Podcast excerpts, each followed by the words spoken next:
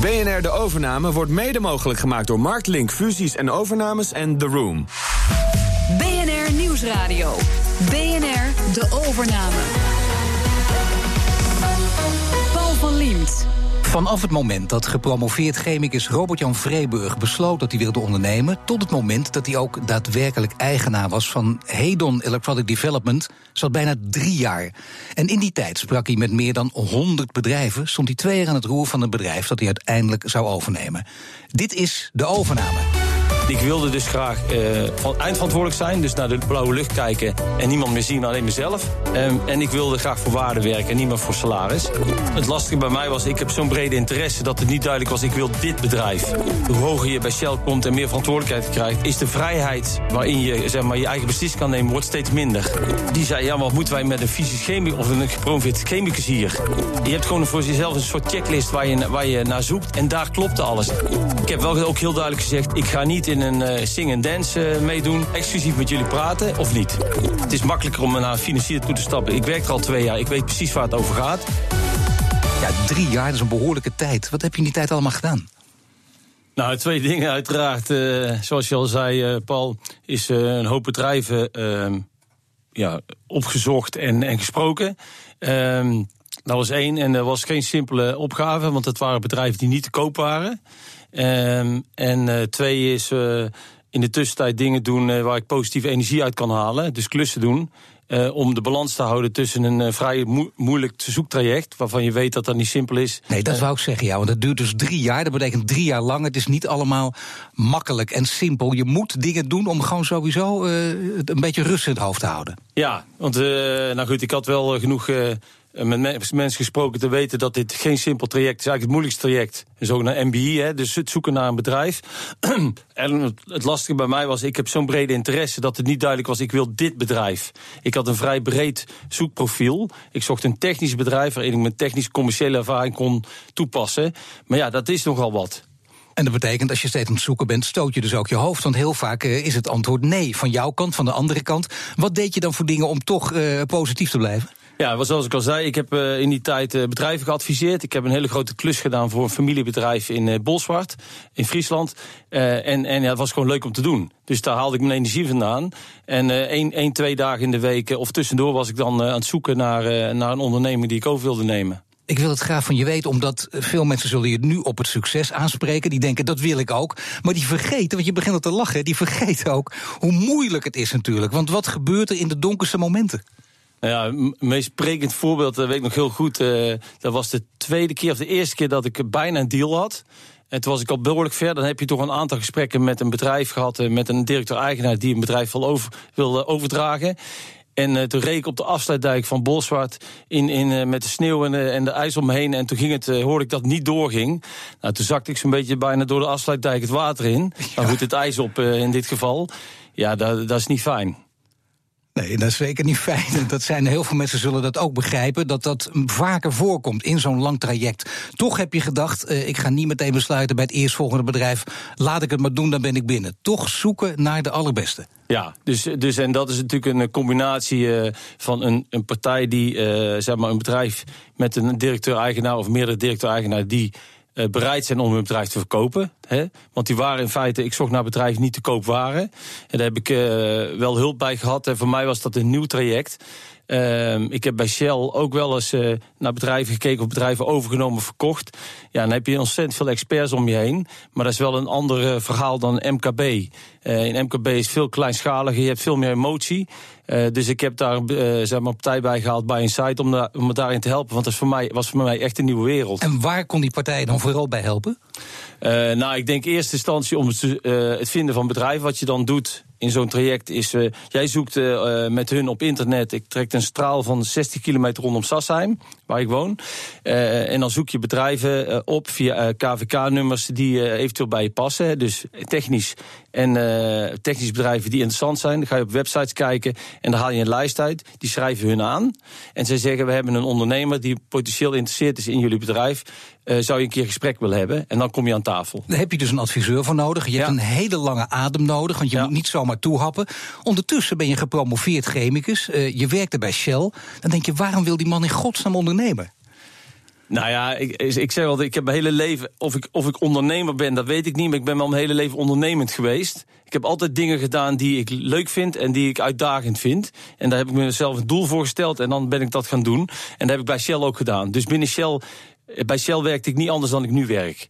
dus dus uh, um, Alleen wat ik wel merkte, hoe hoger je bij Shell komt en meer verantwoordelijkheid krijgt, krijg je, is de vrijheid uh, waarin je zeg maar, je eigen beslissing kan nemen, wordt steeds minder. En dat is ook logisch, want de belangen zijn heel groot. Je zou bijna zeggen, je, kunt dan, je werkt dan letterlijk bij een olietanker. En dat gaat heel langzaam. Je kunt maar hele kleine dingen veranderen in een groot gezelschap. En jij wilde echt in je eentje zaken voor elkaar krijgen. Ja, uiteindelijk, uh, zoals mijn vrouw vaak zegt, uh, toch wil jij uiteindelijk gewoon de baas zijn. He, je hebt een bepaald idee hoe je dingen wil en dat wil je op die manier. In die zoektocht, uh, nogmaals, drie jaar, heel veel bedrijven zijn voorbijgekomen. Sommige bedrijven zaten in de richting. Wanneer zat, waarom was een bedrijf wat, wat voor jou heel dichtbij was toch niet goed genoeg? Nou, ik wou niet zeggen. Uiteindelijk had die deal. Ik heb met drie bedrijven, uh, zeg maar, ook echt een, in, in zogenaamd in een traject, een biedingstraject uh, gedaan. Hè, waarbij je dus ook over gaat praten over de prijs.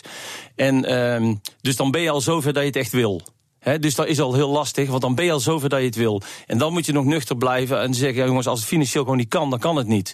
En daar heb je, eh, dat, is, dat is een rol van adviseurs, die je toch wel bij de les houden. Maar dan proberen mensen je toch gek te maken, natuurlijk. Die zeggen: doe dit nou, dit is een uitgelezen kans. Hoe blijf je nuchter? Los van die adviseur zelfs. Nou, die adviseurs, denk ik, zijn heel nuchter.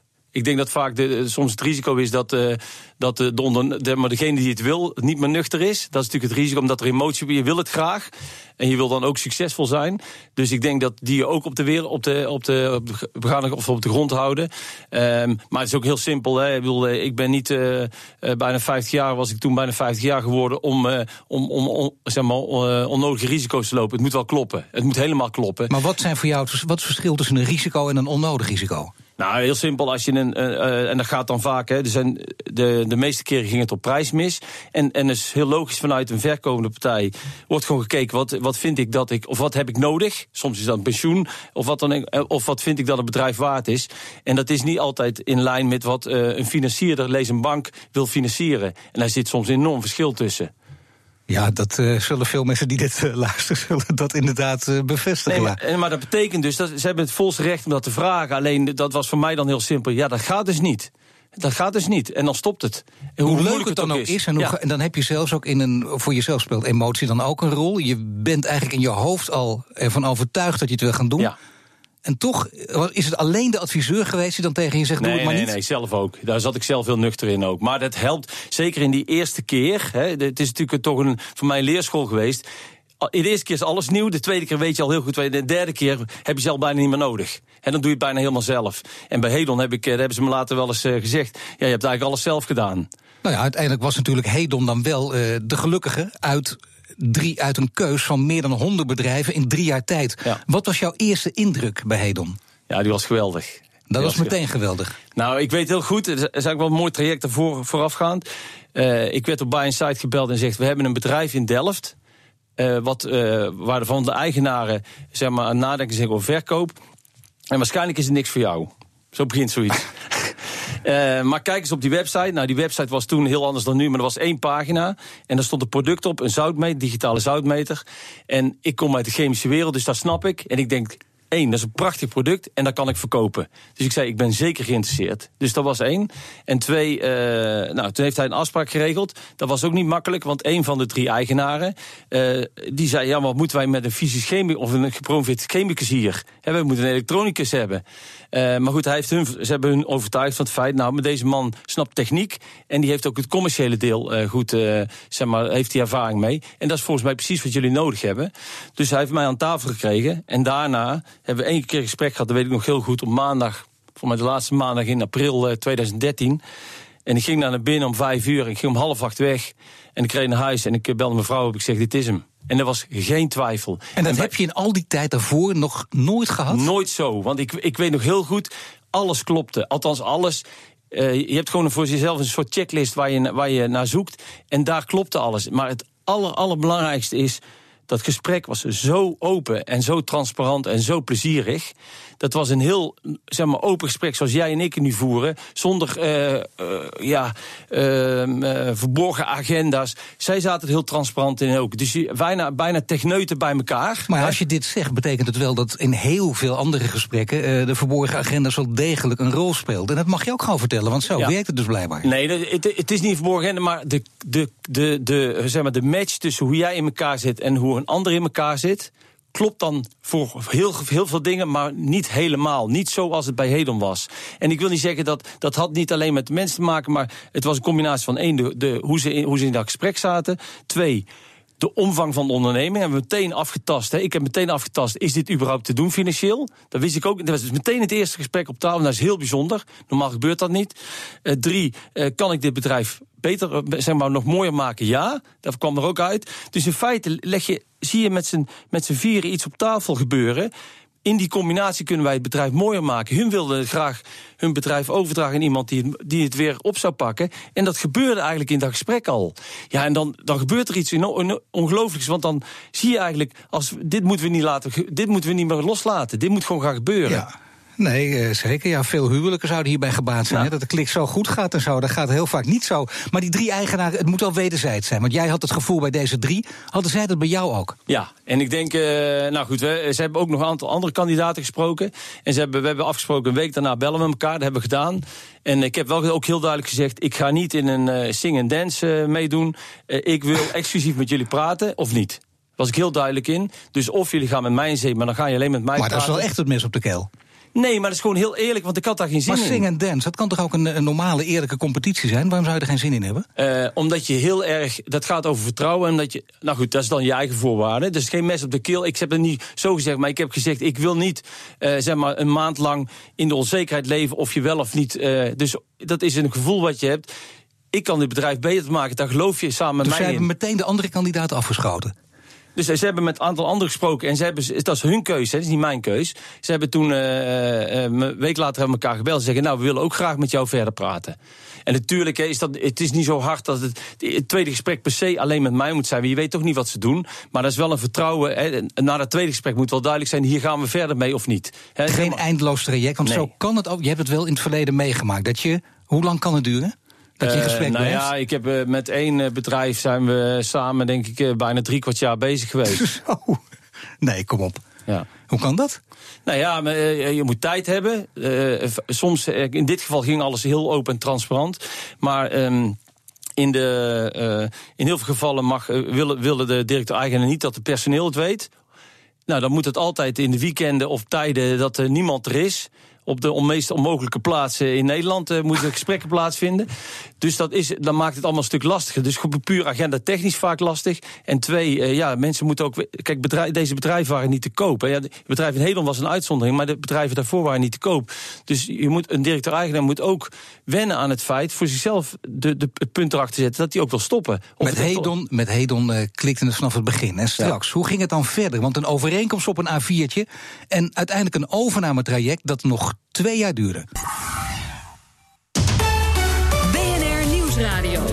BNR De Overname. Van het moment dat Robert-Jan Vreeburg een akkoord bereikte over de overname van Hedon Electronic Development tot aan de overdracht van de aandelen, zat toch nog bijna twee jaar tijd. Ja, normaal blijven bij een overname de, de originele eigenaars nog even aan. En bij jou was het omgekeerd het geval, want je was eerst lid van de directie. En twee jaar later heb je het overgenomen. Waarom zat daar zo'n lange periode tussen? Ja, hij heeft eigenlijk twee redenen, of misschien wel drie redenen. Eén is, uh, het was natuurlijk een, een technisch, wij zijn een high-tech bedrijf. We maken zeg maar hele bijzondere technische producten voor onze klanten. Uh, dus er zit heel veel kennis bij drie eigenaren. Nou, hoe zorg je ervoor dat als je het koopt, die, die kennis niet, weg, uh, niet wegloopt? dus in, in deze manier konden zij gefaseerd uit, uitstappen. En wist ik, kon ik zo, ja, zo, zo, goed mogelijk de garantie hebben dat die kennis niet verloren gaat. Dat is één. Twee is, je moet zo'n bedrijf financieren, zo'n overname financieren. En uh, het is makkelijker om naar een financier toe te stappen. Ik werk er al twee jaar, ik weet precies waar het over gaat. Dus dan is het geen MBI en management buy-in, maar MBO geworden, management buy-out. Dus dat maakt dat makkelijker. Dus dat is een risicobeperking. Uh, en, en het laatste is, ik wilde graag ja, we, we, hoe heet het, we wilden het bedrijf verder helpen. En we dachten, we hadden het gevoel in de combinatie met ons vieren, hè, waarin het geleidelijk gaat, kunnen we die waardetoename sneller realiseren. En dat is ook gebeurd. Logisch verhaal ook. En logisch dat je het zo aanpakt. Maar ja, dan kan de praktijk anders uitpakken. Dat betekent dat je ook in die twee jaar kunt denken: ik wil overstappen. Zat, zat de clausule in je contract dat je tussentijds kon opstappen? Nou, we hebben, uh, we hebben afgesproken na dat A4'tje in, in augustus 2013. We nemen een half jaar. De intentie is dat het doorgaat. Hè. Dus de afspraken waren: dit gaat gebeuren. Wel, en belangrijk is wat je moet begrijpen: die, de drie eigenaren waren al een tijdje bezig om om echt een kandidaat te vinden. Dus voor hun was het ook belangrijk dat het een succes werd. Dat is echt cruciaal. Hè? En dat was een van de redenen ook waarom dat zo goed voelde. Zij wilden ook, zij waren ook zuinig op mij. Ik was zuinig op hun en zij waren zuinig op mij. Maar ging het voortdurend goed in die tijd? Of heb je ook een moment gedacht, als je dat nu eerlijk terugkijkt, nou, ik moet ermee ophouden? nee, niet mee ophouden. Maar in die eerste zes maanden is het natuurlijk spannend. Want wat je doet eigenlijk in die eerste maanden. Ik wilde in die eerste zes maanden voor mezelf commercieel zeker weten, ik kan dit bedrijf verder uitbouwen. Dat was voor mij heel belangrijk. Want ik vond het nog niet groot genoeg hè, qua omzet en, en, uh, en resultaat. Dus ik had zoiets, dat, dat, moet, dat moet wat groter worden. Uh, dus dat was heel belangrijk. Nou, ik heb in de eerste zes maanden twee nieuwe klanten bijgehaald. Dus die heb ik binnengebracht samen met hun. Dus dat was één. Uh, maar ja, ik weet wel, de eerste, daar waren zij natuurlijk niet gewend. Ik zat bovenop die cijfers, want dat is natuurlijk heel belangrijk. Ja. en dat was niet, daar waren ze niet gewend. Was natuurlijk gewoon een technisch bedrijf. Liep gewoon solide, al 35 jaar prima lopend. En in goede handen. Maar plotseling zat ik boven die cijfers. Dus de eerste keer dat we management of een directievergadering hadden. En er werden de maandcijfers, de jaarcijfers, was veel lager dat, dan toen verteld was daarvoor tegen mij. Toen dacht ik wel even, oh jee, wat gaat hier nou weer gebeuren? Ja, dacht je dat of uh, zei nee, je dat, dat, heb ik ook gezegd. Dat heb ik ook gezegd. En wat natuurlijk dan gebeurt, en dan realiseren zij ook, hé, hey, jongens, we zitten nu met een vierde man aan tafel. Die kijkt anders naar ons bedrijf dan wij altijd gedaan hebben. Dus dat is natuurlijk wel wennen. Ja, dat kan wennen zijn, zeker na zoveel jaar. Dat ze denken, wat hebben we voor gek binnengehaald? Gaf dat even wat spanning of niet? Nou, ik denk wat het allerbelangrijkste is, en daarom is het ook gewoon goed gegaan, ook in die twee jaar, is dat er uh, wederzijds respect en vertrouwen was. Dat we daar allemaal met goede intenties zaten. We zaten daar niet voor onszelf, we zaten daar voor elkaar. En uiteindelijk zaten we daar voor het bedrijf. Zij zagen heel duidelijk aan mij dat één, ik werd net zo enthousiast als hun over dat bedrijf. Misschien nog wel enthousiaster in die fase. Ja. En twee is, uh, ik was echt bezig om het bedrijf beter te maken. En als je dat ziet aan iemand die daar binnen is, ja, dan, dan, dan accepteer je ook andere dingen. Maar vertrouwen was groot en dat ja. bleek ook zo te zijn. Gelukkig, ook voor jou, voor hen ook ja. en voor het bedrijf. Maar toch, op één A4'tje, zonder juristen, getuigt dat niet van te veel vertrouwen? Uh, nou, ik zou, ik zou je willen uitdagen, hoe zou je het anders willen doen? Ik, we hadden het niet anders kunnen doen. Wat ik, ja, met een jurist erbij, want stel dat het halverwege dat er, jij kan er van alles veranderen, dus dan wil je toch zekerheid? Eén belangrijk leermoment, ik had een collega, die een bedrijf in, in, in uh, Nederland heeft overgenomen een, een half jaar of een jaar voor mij. Die heb ik gebeld. Toen was ik zo blij, want toen hadden we dat A4'tje bijna af. En toen, zei, zei, ik tegen haar, heb je nog advies? Toen zei ze ja. Zei ze, één ding wat wij geleerd hebben. Wij hadden ook een, uh, zeg maar een akkoord. Toen gingen we het aan twee kanten juristen erbij halen. Toen hebben we in twee weken tijd is bijna de deal weggeklapt. Weg, uh. Want die gaan allerlei redenen verzinnen. En jou adviseren over wat er fout kan gaan. En hoe je dat dan moet voorkomen. Dus je bent bezig met een negatief scenario in plaats van een positief scenario. En dat geeft zoveel negatieve energie. Dat soms deal daar, deals daarom niet, niet meer lukken. En in dit geval deden we precies andersom. Dus dat gaat niet, ik zeg, dat gaat hier niet gebeuren. Dit is een heel goed traject. Hier kan ik uh, met hun iets moois van maken. En natuurlijk zit op, stond op de A4'tje en later een uitgebreide vorm. De belangrijkste dingen stonden erin. Maar, maar alle scenario's die je van tevoren kan bedenken, die mis kunnen gaan die gebeuren niet. En hetgene wat je niet hebt omschreven, gebeurt dan wel. En hoe ga je daarmee om? Dan moet je om de tafel. Dit is een mooi verhaal, omdat het uiteindelijk een succes is geworden. Maar dat is uh, natuurlijk met vallen en opstaan gegaan. Uh, veel mensen zullen nu tegen je zeggen: Oh, vertel me even, hoe moet ik dit doen? Dit wil ik ook. Je begint bij een groot bedrijf, ik wil voor mezelf beginnen. Wat zeg je tegen die mensen? Nou, ik krijg regelmatig telefoontjes of regelmatig telefoontjes van mensen, ook Excel-collega's, die zeggen: Ja, ik wil dit ook. En uh, dan zeg ik, nou, uh, die willen graag dan een afspraak mee maken. Zeg ik, nou, dat, dat mag op één voorwaarde. Eén, als je goed nadenkt dat de kans, als je zo'n traject, dat de kans dat je een bedrijf vindt dat bij je past, is heel klein. Als je dat bedrijf gevonden, de kans dat je er met de directeur-eigenaar uitkomt, is heel klein. Als je daar uitgekomen bent, de kans dat je dan financiering krijgt, is heel klein.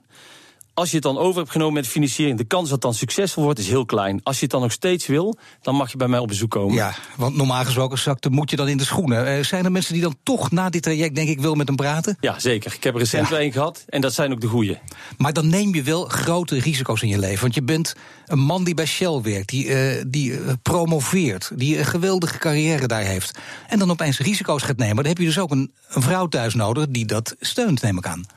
Ja, en kinderen, die moeten ook rustig blijven. En die zijn inmiddels ook op leeftijd. Nee, maar de, ja, dat klopt. Dus het is denk ik heel belangrijk, en dat hoor ik ook van collega... Uh, ja, mensen die een bedrijf hebben overgenomen. Het is heel belangrijk dat je thuisbaas stabiel is en dat er steun is. Maar voor wat, wat wat je, spreek je dan af? Want uh, het gaat ook om financiële risico's die je neemt. Ja, nou, daar moet je heel, heel open over zijn. Hè. In feite, wat interessant is, uh, in, in de periode als dit gebeurt, moet je opnieuw om de tafel en afspreken hoe ga je hiermee om samen. En, dan komt, en dat zijn best moeilijke discussies, want dan gaat natuurlijk over toch uh, ja, uh, forse bedragen. Dat is, zeg maar, dit is de grootste investering van ons leven naar ons, ons huis. Nou, en nog wel veel meer dan dat. Dus daar moet je echt goed over praten, sta je er allebei achter. En dat doe je natuurlijk niet op het moment dat de deal erbij is. Dat moet je van tevoren doen. Heb je, zie je dat allebei zitten. Ja, en ik denk dat ik uh, een unieke vrouw heb die uh, mij altijd mijn hele leven gesteund heeft. En ook hierin. En, en ik, goed, het goede nieuws, ik heb wel een goed trackrecord. Tot nu toe heb ik dat vertrouwen nog nooit beschaamd. Ja, nee dat, is, nee, dat is heel fijn. Maar je weet dat je dat risico neemt voordat je de deal sluit. Want uiteindelijk is die prijs van de overname wordt vastgesteld. Maar daarvoor praat je met je vrouw over. Ja, Wat wegen jullie af? Ja, maar ik denk voor ons, we, ik denk niet eens dat we zoveel over de financiën hebben gehad. We hebben veel, veel over gehad. Wat wil je in je leven? En gun je elkaar de vrijheid om dat te gaan doen. Dus geef je elkaar de vrijheid. En zijn de voorwaarden er om zoiets te doen? Nou, binnen kaders. En als je daar, dat hebben we allebei, dat, dat, dat doet zij en dat doe ik. Nou ben je de tussentijd ook nog uh, een stroopwafelkoning geweest. Hè? Je hebt niet alleen Shell gedaan, maar ook de ja. stroopwafelkoning. Hoe zit dat precies? Nou, ik ben, uh, dat was eigenlijk wel een, een logische stap. Ik, nou, ik, wilde altijd tien jaar bij Shell werken. Had ik, en daarna de vrije wereld in. Toen had ik, zag ik al van op een gegeven moment kom ik daar klem te zitten. Dan wil ik zoveel vrijheid en dat kan niet in zo'n grote onderneming. Dan moeten we misschien uit elkaar gaan. Nou, dat is ook gebeurd. Maar na 15 jaar. Ja. Het was zo leuk dat ik zo lang wilde, nog langer wilde blijven.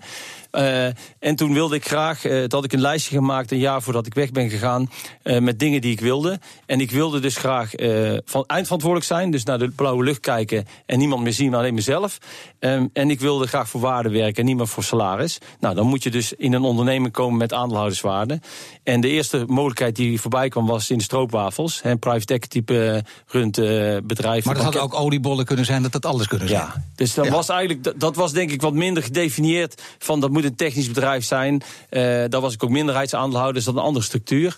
Uh, en er zijn denk ik twee dingen die ik geleerd heb. Ik heb een enorme leercurve doorgemaakt. Een van de dingen, ik keek bijna elke week of elke dag op het bankrekening. Dat had ik nog nooit gedaan bij Shell. He, dat is een hele simpele iets. Daar, leer, daar heb ik heel veel van geleerd. En het tweede is... Maar wat leer je daarvan? Nou, gewoon, dat, je moet wel je salaris van je personeel kunnen betalen. Dat zijn gewoon vrij basale dingen in een onderneming. Ja, maar het kan ook een hele zware last worden. Dat je denkt, heerlijk, had ik bij Shell geen last van. Maar bij jou gaf het juist een, ja. een, een extra prikkel.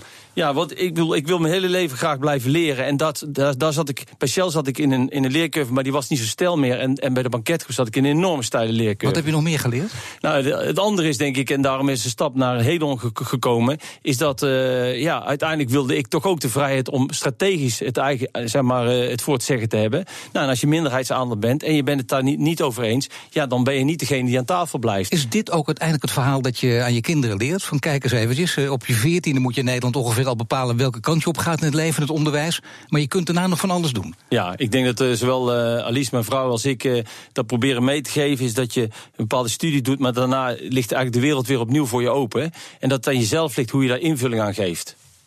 Dan komt nu de laatste vraag. Die komt niet van mij, die komt van jouw voorganger Henk van Koeveringen. Dat is de voormalig eigenaar en de CEO van Roompot Vakanties. Ja, je hebt een hele bijzondere switch gemaakt in je carrière. Ik heb dat zelf ook ooit gedaan. Ik ben zelf schoolmeester geweest en ben in de recreatie terechtgekomen. En ik ben hartstikke benieuwd hoe jij nou gekomen bent om deze toch wat bijzondere stap te maken van deze business naar een heel andere business. Ja, ik denk wat het belangrijkste is, ik ben ontzettend nieuwsgierig iemand. Hè. Dat komt vanuit de promotie en wetenschap. En eh, ik zoek elke keer nieuwe uitdagingen. En uh, voor mij is dit een, een logisch hè, eindresultaat van uh, na, na Shell eigen onderneming en deels eigenaar naar een volledige onderneming. En uiteindelijk ben ik nu het meest gelukkig, want ik ben uh, zeg maar zelf uh, vrij om mijn agenda in te delen. En dat heb ik hier nog nooit in mijn leven gehad, behalve tijdens mijn studie. Dus je bent nieuwsgierig, je houdt van vrijheid, maar je bent ook onrustig, lijkt me, of niet? Ja, Dat Ja. heel veel mensen in me Dus het roer gaat nog een paar keer om hierna... of blijf je Nou. nu tot je pensioen bij Hedon? Nou, dat heeft mijn managementteam nu al een keer gezegd. eh, volvolgens mij ga je dit nog een paar keer doen. Eh, ik vind dat nu nog te vroeg. Ik ben, eh, zeg maar, wat ons, wat de eh, bijzonder maakt, is. Ik kan de, mijn energie en mijn onrust ook in de nieuwe technieken. Ik wil graag iets meer gaan doen in chemotronica. Dus het, de, het grensvlak tussen chemie en elektronica. Ik denk dat we daar nog heel veel kunnen doen. Dus daar ben ik nu mee bezig en mijn onrust in aan het eh, pompen. En te kijken of we daar nog nieuwe leuke dingen Nou, kunnen doen. Ingewikkeld. eh, en daarom eh, mag jij nu een vraag stellen aan onze gast van volgende week. En dat is meteen de laatste gast in de serie De Overname. Haar naam Iens Boswijk. Ze verkocht haar bedrijf Iens aan TripAdvisor. Ja, wat ik eh, wel bijzonder vind, of de vraag die ik heb is. ik heb natuurlijk aan de koperskant gezeten en dan moet je zorgen dat er een win-win gecreëerd wordt. Hoe doe je dat nou als je een bedrijf verkoopt en zorgt dat een deal doorgaat? Dus dat is ook een win-win. Hoe doe je dat? Ik dank je voor dit gesprek. En dit was De Overname. De uitzending is terug te beluisteren via bnr.nl slash overname. BNR De Overname wordt mede mogelijk gemaakt door Virtual Volts en Marktlink Fusies en Overnames.